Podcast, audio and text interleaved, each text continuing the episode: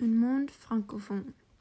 J'ai et mes meilleurs amis Théa et Sophie devons voyager pendant les vacances d'été vers certains pays francophones. Nous visitons l'Algérie, le Congo et Madagascar. Nous voulons aller dans ces pays parce que cela semble être des endroits passionnants. Le voyage durera environ deux semaines. Nous sommes arrivés en Algérie par avion. L'Algérie est le plus grand pays d'Afrique et se compose de grandes parties du désert.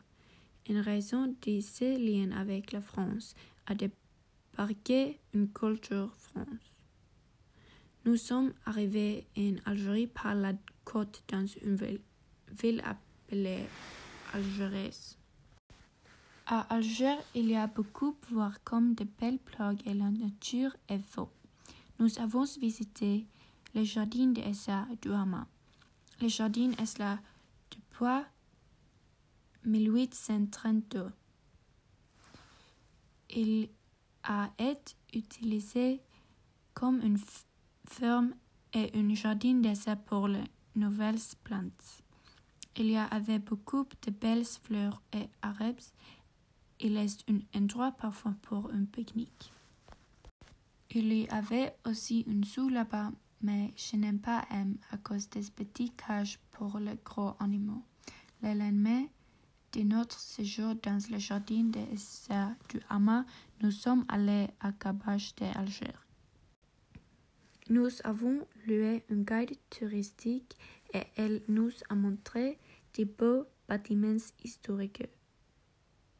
Nous étions la pendant journée donc étoiles rassurant quand il s'agissait de sécurité.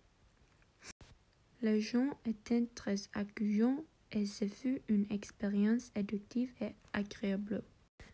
Je suis assis sur le train à Congo. Je lis un livre sur la vie en Congo. Le Congo est parmi les dix plus peuplés du monde. Il y a plus de 250 ethnies là. C'est un environnement tropical et chaud parce que le Congo est situé sur l'équateur. Demain, nous allons visiter le Virunga Park National.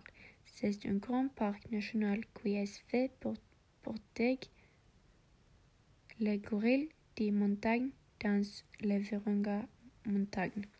Nous avons un guide au parc. Nous pouvons voir les gorilles des montagnes dans un habitat naturel. Dans deux jours, nous allons prendre le train vers la côte, alors prendre un bateau pour Madagascar. Deux jours plus tard, sur le bateau, je, je suis assis sur le bateau à Madagascar. J'ai du temps à prendre, alors j'écrirai un peu sur hier. Nous avons marché environ 1,5 heures avec que nous ayons vu la première famille décorée. Le guide était très bon et nous a beaucoup expliqué sur les gorilles, entre autres que nous devons garder notre distance parce que les gorilles sont exposés à des maladies humanitaires. Les gorilles étant gentils mais préférant s'en tenir à soi. Les petits grimpatillons et se balancer dans les arbres. C'était vraiment une expérience pour la vie. Madagascar est une île de l'océan Indien. Madagascar est devenue une colonie française en 1886 et était sous domination française jusqu'en 1958. Donc le français et le malais sont les deux langues officielles. Antananarivo est la capitale et un peu à l'extérieur le trouve le mur parc, qui était notre premier arrêt. Nous avons vu de nombreux espèces des lémuriers. Les lémuriers sont l'un des animaux pour lesquels Madagascar est le plus connu. La plupart des lémuriers ont cité librement quelque chose qui est important pour moi. Dans les zoos que nous visitons lors ces voyages, je veillé à ce que l'animal soit bien traité.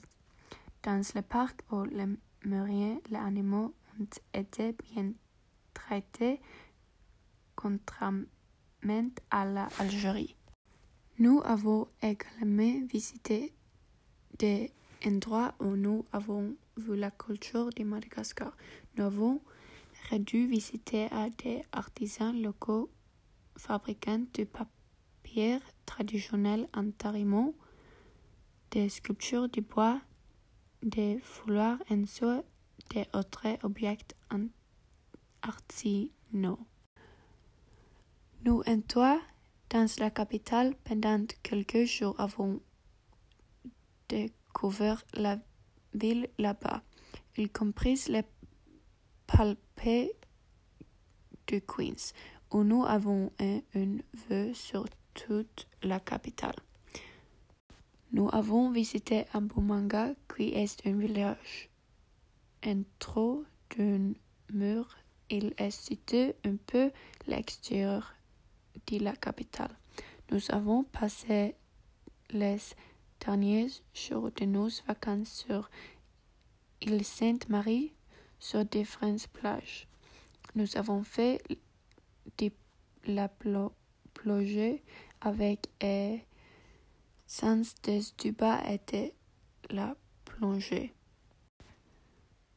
Partout où nous sommes allés sur l'île, nous avons trouvé des marchés lourds avec des artisans vendant des sculptures, des à partir des filures, des palmières, des pierres des peintures bougeaux et des portires que sont toutes des, spécialités de différentes régions.